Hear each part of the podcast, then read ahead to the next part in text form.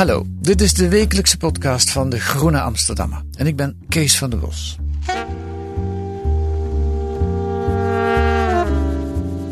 Eerst een huishoudelijke mededeling. Je hoort die veel bij podcasts en wij doen het vandaag ook. Wat is de vraag? Wilt u ons beoordelen met sterren? Dat kan in de podcast-app als u naar beneden scrolt tot onder de eerste aflevering.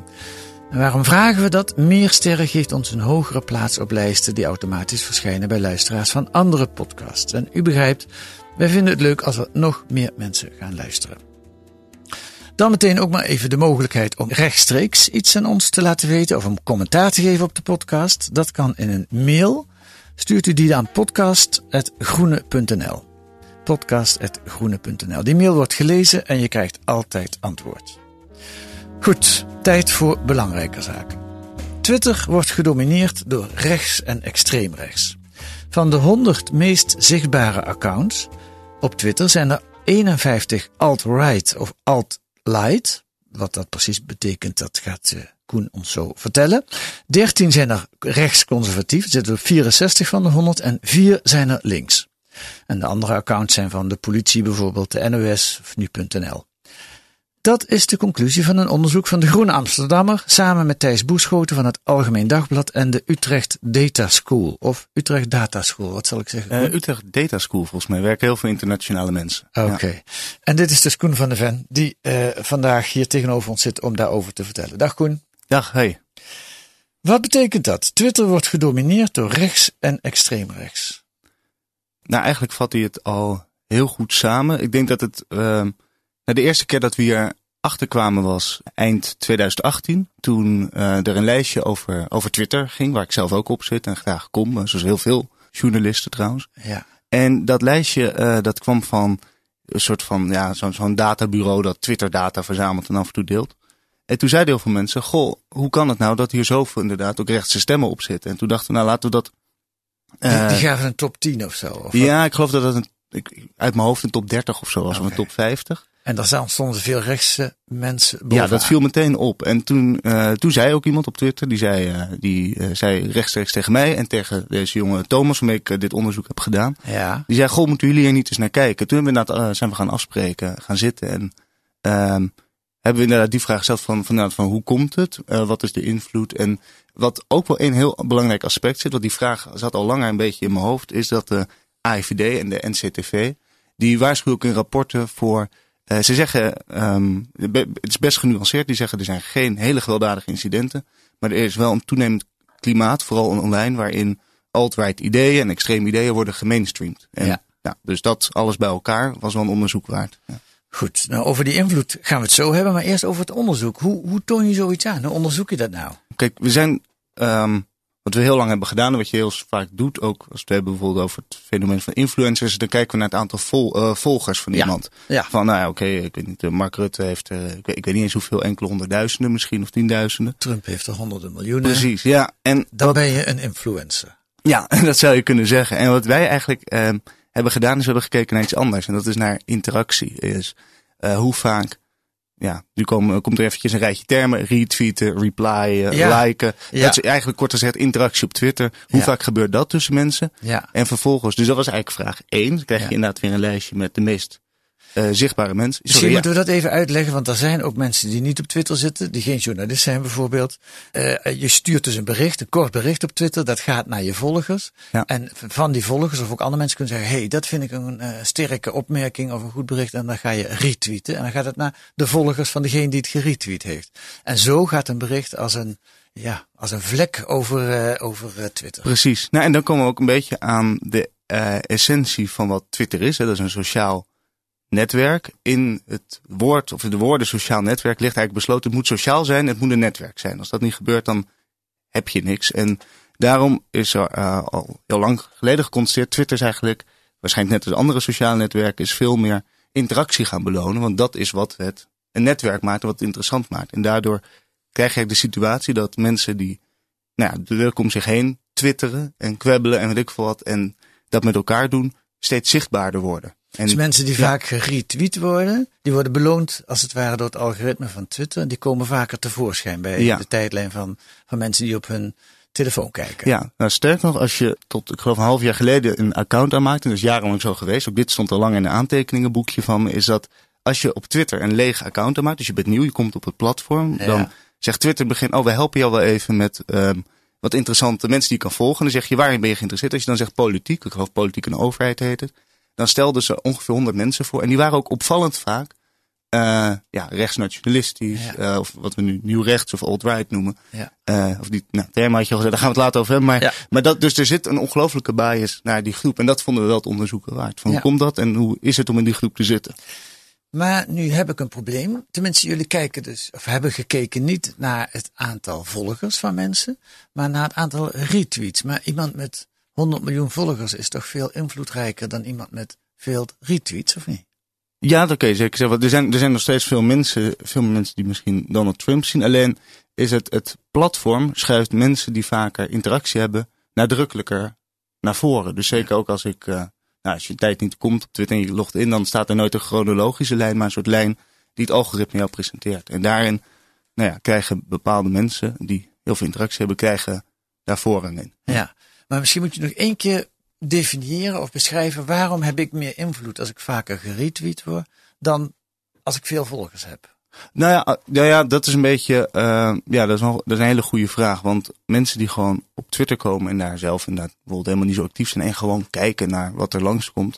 En die volgen met z'n allen eh, Mark Rutte, dan is Mark Rutte is dan invloedrijker. Alleen voor het debat, dus als je er langer op zit en gewoon in discussies mengt. En die Ja. discussies, die komen vaak bovenaan. En daarom is het dominant. En krijg je inderdaad dat ook mensen met minder volgers ja, zichtbaarder kunnen zijn. Goed, jullie hebben daar met die eh, eh, Utrecht Data School een analyse op losgelaten. Je hebt vier pijlmomenten gekozen. Ja. Eh, dan heb je miljoenen tweets. En vervolgens heb je een netwerkanalyse gemaakt. Dat gaan wij allemaal niet snappen. Maar je, gaat, je hebt met, met een computeranalyse gekeken naar al die mensen die op die dag iets ge- Ja. getweet of geretweet hebben. Getwitterd of geretweet hebben, moet daar op mijn woorden letten. En dan kom je tot een lijst met tien meest eh, zichtbare twitteraars. Ehm, Joost Niemuller staat bovenaan, eh oud groene redacteur, gaan we het dadelijk nog over hebben. Wiert Duk eh, van de Telegraaf. En eh, wat ik wel grappig vind, je bent ook die mensen gaan spreken. En zo staat op nummer drie ene Mirjam. We Ja. noemen haar Mirjam, ze heet geloof ik ook Mirjam, maar ze wil verder anoniem blijven. Klopt, ja. Eh, wie is dat? Nou ja, dat is een. eh nou, daar kom je eigenlijk al eh, ook aan het punt waar we het net over hadden. Dus dat is een Twitter-account dat ik eigenlijk al heel lang ken, omdat ik al lang op Twitter zit. En we wel vaak, moet ik zeggen, in politieke discussies begeef. En heel veel mensen om me heen kenden dat account ook. Dus er was al lange nieuwsgierigheid. Wie is dat? Zoals ik dat wel vaak heb met mensen die veel langskomen.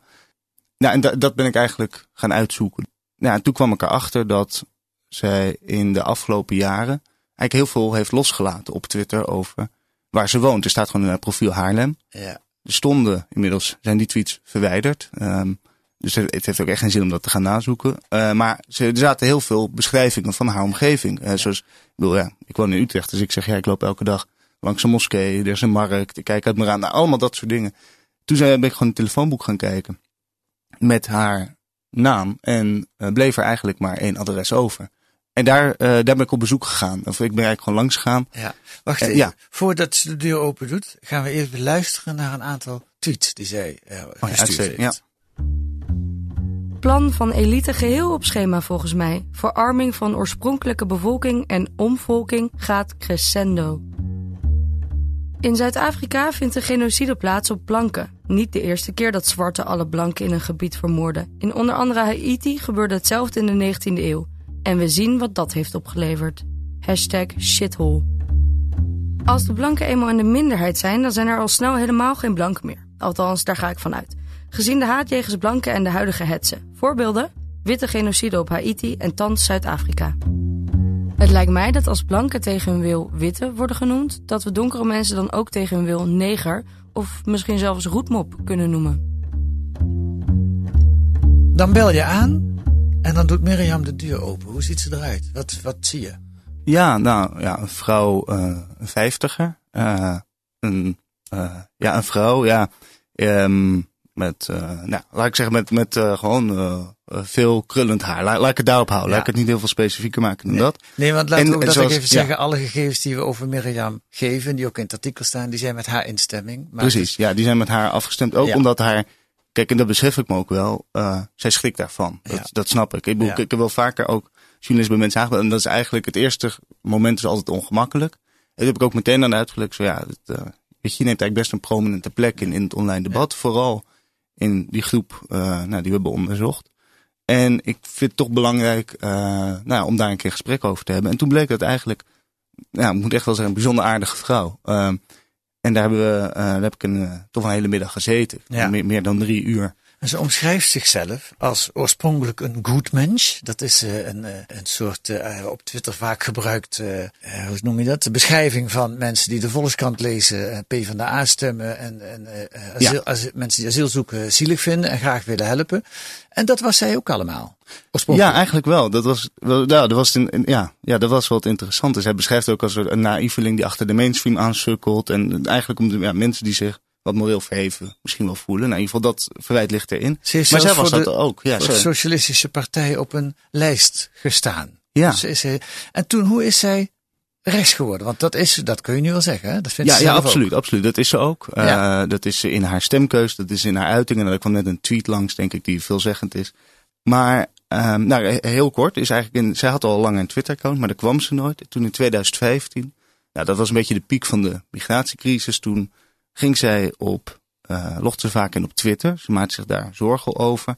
En is toen, uh, dat beschrijft ze ook echt allemaal, dat, uh, is dat ze, is allemaal bepaalde YouTubers, bepaalde websites gaan volgen. Nou, geloof Breitbart komt langs, de Post Online, is, die is weer wat milder, maar ook, um, nou echt, ja, soort, ja, dat noemen we vaak gewoon dat is daar het woord voor, ja, haatpredikers. Nou, dat hebben we vaak meestal of in een andere context. Maar dat soort mensen op YouTube. Extreem rechtse geluid. Ja, en toen is eigenlijk een hele korte tijd, is ze van gedachten veranderd. En dat is ook, uh, en dat ging ze zelf ook uitdragen. Ik bedoel, het is ja. iemand, dat, dat, dat maakte die middag wel leuk. Het is iemand die heel makkelijk praat, die, ja. die veel praat, die vrolijk, uh, ja, gewoon best een, gewoon een, de, uh, ik, ik vond trouwens ook best een intelligent wel, maar ook echt een flap uit. Gewoon iemand die gewoon lekker kletst. En dat was ze ook online. En in heel hoog tempo uh, nam haar aantal volgers ook toe. En dat, daarom vond ik het ook wel een interessant iemand. Is dat is iemand die zo binnengekomen, die zelf daarin verandert. Ja. En is eigenlijk nu een leidend figuur geworden voor die groep. En als je dus veel volgers wil, als wij veel volgers willen op Twitter, dan moeten we hele rechtse dingen gaan roepen. Ja, blijkbaar. blijkbaar. Want ze, staan wel in, ze staan wel in die lijstjes, komen ze boven. Ja, ja. ja. Joost uh, Niemuller, die staat bovenaan op nummer 1. Ja tot voor een paar jaar geleden gerespecteerd journalist. Werkte bij de, de NPO, bij de NCRV geloof ik. Heeft voor een jaar bij de Groenen gewerkt. Ja. Maar heeft zich ook ontwikkeld, net als Mirjam zou ik kunnen zeggen, tot een... Nou, heeft zichzelf een beetje buiten de, bijna buiten de marge. Hij zit buiten de mainstream in elk geval. Ja. is erg rechts. Gaat zelfs in de zee met holocaust, ontkenners en, en ja. dat soort zaken. Dus dat gaat vrij ver. Die heeft Mirjam ook weer beïnvloed, hè? Die noemt ze ook. Ja, oh ja, klopt. Ja. Dat is echt zo. Dat is, dat is nou echt typisch zo iemand die zij ook is gaan volgen. En waarmee ja. ze, nou, gewoon inmiddels hebben die ook wel contact. En nou ja, dus dat is, ja. ja. Is Mirjam alt-right of alt-light? Ja, dat is. Uh, en wat zijn die termen? Ja, nou ja, uh, um, eerst dan maar het eerste antwoord. Ze zit op die grens. Ja. En uh, nou, wat misschien wel heel goed is om, om heel kort uit te leggen. We hebben inderdaad die netwerkanalyse gemaakt. En daarbij zijn we eigenlijk gewoon gaan kijken wie heeft interactie met wie. En als je dat doet, dan kan je het Nederlandse Twitterlandschap. We hebben een mooie afbeelding in de groene er ook over staan. En hij komt ook online. En dan krijg je inderdaad allemaal verschillende groepen. Ja. Uh, die noemen we ook natuurlijk niet filters, want die groepen zijn gewoon zichtbaar naar elkaar en voor elkaar. Maar dan kan je groepen aanwijzen online. En toen kregen we inderdaad een groep. Die hebben we eerst inderdaad even alternatief rechts genoemd. Die was heel groot. Maar we zagen ook binnen die groep, zagen we ook, en dat vertelde ik, um, nou, toen kwamen we erachter, ja, hoe gaan we deze mensen labelen? Nou, toen dachten we, laten we dat vooral niet zelf doen en laten we te raden gaan bij academici en mensen die hier uh, goede boeken over hebben ja. geschreven. En die wijzen eigenlijk hele heldere breuklijnen aan. En la, laten we er maar gewoon eentje noemen. Dat is inderdaad gewoon uh, nou, openlijk racistisch zijn, geweld, dat soort dingen. En hoe verder je in die groep ja, afdaalt, uh, nou, hoe, hoe obscuurder en nou, je kan ook gewoon zeggen soms fascistisch of racistisch het woord. Omvolk, maar is ook een... Omvolking is een woord wat daar vaak wat je daar vaak tegenkomt. Hè? De, Klopt, ja. Wij als blanken, want we zitten hier allemaal als blanken achter de microfoon, die worden uh, bedreigd door uh, een instroom van allerlei andere culturen. En, en, en, en de meer ex, nog extremer die zeggen zelfs dat dat een bewust plan is om die andere culturen hier binnen te halen. Om, omdat wij een eind willen maken aan ons witte white privilege of hoe je het ook wilt noemen. Precies, nou, en dat hele complotterige, dus het idee dat de, de Europese elites een soort samenswering hebben met ja, met andere groepen in de wereld om het volk te vervangen. Dat is echt een plan. Dat zie je in de meest extremere factie. Nou, dat noemen wij ook alt-right. Ja. Maar je hebt ook uh, veel milder gebruik van het woord omvolking. Ja, dan gaat het over um, het straatbeeld verandert. Alleen die term, en daar hebben we het heel erg met wetenschappers over gehad, van hoe komt het dat je hè, mensen hebt die echt volledig het geweld schuwen, die gewoon heel rechtsnationalistisch zijn, zeggen ik kom op voor, uh, voor het volk. Nou oké, okay, maar dan wel meer in conservatieve zin, hè, dat mag gewoon. Ja. Uh, maar hoe komt het dat die toch in een netwerkanalyse in dezelfde groep belanden? En we kunnen ook echt wel de breuklijn terugzien in de analyse, maar die worden wel gegroepeerd als één. En toen zei dat komt omdat ze dezelfde termen gebruiken. En een van die termen is inderdaad omvolking. Omdat ja, ja daar kan je inderdaad, nou ja, die kan je op verschillende manieren interpreteren. En zo gebeurt het dat extreemrechtse, soms deels fascistische ideeën, iets meer, maar gewoon extreemrechtse ideeën, steeds meer in de mainstream, in de gewone stroom van publicaties terechtkomen. Laten we even gaan luisteren naar nummer 10 op de lijst van de meest zichtbare twitteraars. Thierry Baudet. Eerst zijn overwinningstoespraak van bij de statenverkiezingen. Net als al die andere landen van onze boreale wereld worden we kapot gemaakt door de mensen die ons juist zouden moeten beschermen. We worden ondermijnd door onze universiteiten onze journalisten, door de mensen die onze kunstsubsidies ontvangen en die onze gebouwen ontwerpen. En bovenal worden we ondermijnd door onze bestuurders. We worden ondermijnd. Er wordt een groot gevaar geschilderd. Wie we precies zijn, wordt niet gedefinieerd. Het wordt iets duidelijker, of het was iets duidelijker op een verkiezingsneer, op een gewone bijeenkomst van het Forum voor Democratie in maart 2017 dat wantrouwen, dat fundamentele probleem, dat fundamentele gebrek aan zelfvertrouwen dat wij hebben in onze cultuur, die zelfhaat als het ware, die we proberen te ontstijgen door alles in bureaucratische procedures te vangen, door de Nederlandse bevolking homeopathisch te verdunnen met alle volkeren van de wereld, doordat er nooit meer een Nederlander zal bestaan, zodat wie wij zijn niet meer gestalte kan krijgen. Het woord omvolking valt nog niet, maar we hebben het al wel, het komt al in de buurt. Nou, het was een, het was een, het was, het kon een definitie daarvan zijn. Ja, ja absoluut. Ja, ja. En dat is eigenlijk uh, een voorbeeld van hoe het oprukt. Ja, zeker. Nou, dat is het. Um, uh, ja, absoluut. Dat, dat, is een heel goed voorbeeld. En om, ja, omdat inderdaad, als je, nou ja, laten we dan heel kort even homeopathische verdunning pakken. Kijk, als je daar, um, het is niet heel duidelijk gespecificeerd. En ik wil echt verre blijven van nu mijn interpretatie of zo erin leggen. Maar er zijn gewoon interpretaties mogelijk. De meest milde is gewoon dat je zegt, uh, dat is gewoon een conservatieve. Ja, er is een bepaalde leidcultuur.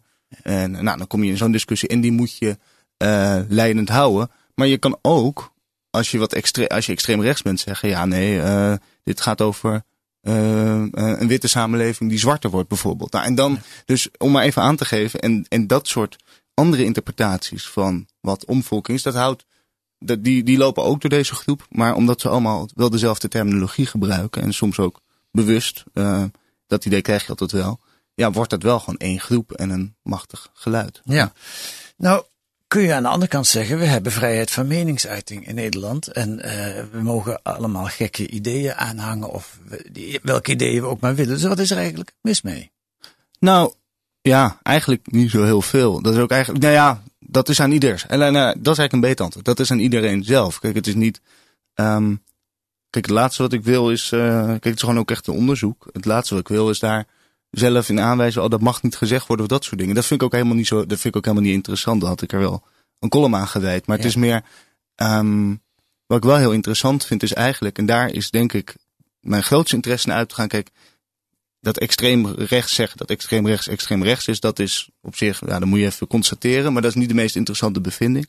Wat ik heel interessant vind is die groep van, nou, wat we dan old light hebben genoemd, is de groep van mensen die eigenlijk tussen de grote, algemene, echte mainstream uh, en deze meest extreme groep in zitten. En die eigenlijk een brugfunctie hebben. En wat is dan niet van, oh, dat mag je niet zeggen, maar gewoon de vraag, wat is dan je verantwoordelijkheid? En hoe, ehm, en waarom kies je er bijvoorbeeld voor om wel die termen te gebruiken? Nou, dat zijn, en, dat, en dat, ik denk dat ik dat misschien wat interessantste vind. Dus het is eigenlijk denk ik veel meer gesprek ook met de mensen die we opvoeren over ja, eigen verantwoordelijkheid, hoe je positioneert. En niet zozeer over, dat mag je niet zeggen.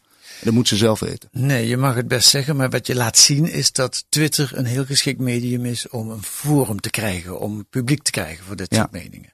Waar dat vroeger, voordat Twitter bestond, voordat internet überhaupt bestond, misschien veel moeilijker was. Ja, nou dat is ook iets, dat is, dat is echt een ding wat altijd terugkomt ook in die gesprekken is van, eigenlijk de eerste vraag wel bij bijna iedereen is, hoe verklaar je eigen populariteit? En dan kom je heel snel in het uh, verhaal van, uh, ja, omdat, uh, omdat ik hier zeg, kan ik elders niet zeggen. Of, of heel erg ja, er zijn geen infrastructuur voor mijn mening. Of heel erg dat, dat gevoel. En dat, dat zegt Mirjam ook hè, in het gesprek met jou. Van ja, ze is ook bang dat ze, dat ze, uh, dat ze op de kop krijgt. Ze wil ook niet voor niks anoniem blijven. Het is een soort, uh, wij zwemmen heel erg tegen de stroom in. Ja, nou, ook, ook één term die de hele tijd terugkomt. Dat is wel grappig als je dan zegt, ja, hoe definieer je jezelf? Ook ideologisch zeggen, komt altijd de term realisme terug. Ja, maar wij zijn gewoon realistisch. Wij zien, uh, wij zien hoe het echt zit. Wij zien hoe, wij zijn beter geïnformeerd. Uh, we hebben ook weer Duk voor dit stuk uh, gesproken. Die vind ik ook wel heel goed. Die groep kom beschouwen, die noemde dat ook. Die zei, er is gewoon een weetgedragen gevoel dat de mensen beter geïnformeerd zijn. Wiert Duk, de, de nummer twee op de lijst van de top, de, van de meest zichtbare twitteraars. Journalist van de Telegraaf. En die is zelf verklaard old light eigenlijk. Hè? Die zegt, uh, die zegt uh, het is niet mijn mening en mensen die het op een ondemocratische manier doen, dat zegt hij allemaal in jouw mm, stukken, ja. die, die, die steun ik niet. Maar ik wil wel die mensen uh, die dat vinden, wil ik, een, die moeten gehoord worden. Die moeten, die, die, die moet, ja. Mijn schrijfkunst kan dat verder dragen. Ja, hij zit eigenlijk, nou, hij zit inderdaad, komt op, in de netwerkanalyse uit bij die groep en dat is en, ja, toen zijn we ook gaan vragen, hoe kan dat? Nou, hij, was op, hij was helemaal niet verrast dat hij daar zat. Dat, ja, dat is mijn, mijn missie als telegraaf uh, columnist en of eigenlijk verslaggever. Hij is nadrukkelijk verslaggever geworden bij de, bij de Telegraaf. Is om juist naar de randen van die samenleving te gaan. En in dit geval die randen van dat online debat. En daar in gesprek te gaan met mensen over. Om eigenlijk te ontdekken welk sentiment ligt eronder. En hij zegt van dat daar zit juist ik wil juist uh, deescalerend daarin zijn. Ja. Zij zegt, ik wil ja. juist, uh, ja. het is juist ons plicht om erheen te gaan, om met die mensen te praten. En, nou ja, en, en dan vervolgens kan je een discussie hebben over in hoeverre slaag je of, of kan je het ook onbewust voeden. En dat, nou, dat is een discussie die we hebben gehad. En dat, uh, daar heeft hij bijvoorbeeld een ander idee over. Maar daar heeft hij wel helder ideeën over. Ja. En jij spreekt in je artikel over witwassen van extreme ideeën. En de AIVD schrijft vorig jaar in een rapport over rechtsextremisme letterlijk staat er een citaat. Ze creëren een klimaat waarin het risico dat de snel radicaliserende rechtsextremistische eenlingen of kleine groepen geweld in zullen zetten om een statement te maken, uh, dat klimaat is groter dan in het verleden. Dat is een soort angst die eronder zit. Hè? De, de, ja. de, de, de rechtse geweldsuitbarstingen die we de afgelopen maanden in de wereld hebben gezien. Van eenlingen, ja. die gekken die met een geweer de moskee binnenlopen bijvoorbeeld. Ja, ja, precies. Ja, dat is eigenlijk het risico. Nou, en dat vond ik ook wel interessant om te zien. Dat, nou, bijvoorbeeld inderdaad weer iemand als Wiertuk, die ziet dat gevaar ook. Die zegt, ja. maar dat vind ik ook. Hij zegt, ik, ik bedoel, eh, en dat is ook, dat is ook echt, hij verafschuwt juist geweld. Maar hij zegt, nou ja, maar ik zie het juist mijn functie om heel erg dicht naar die groep toe te bewegen. En inderdaad daar, uh, nou, toch een soort van gezonde brugfunctie te zijn. Ja. Dankjewel, Koen van der Ven. Mooi onderzoek. Wilt u de hele top 10 zien, lees dan De Groene. En als u nog geen abonnement hebt, kunt u een proefabonnement nemen. 15 euro krijgt u 10 weken De Groene in uw bus.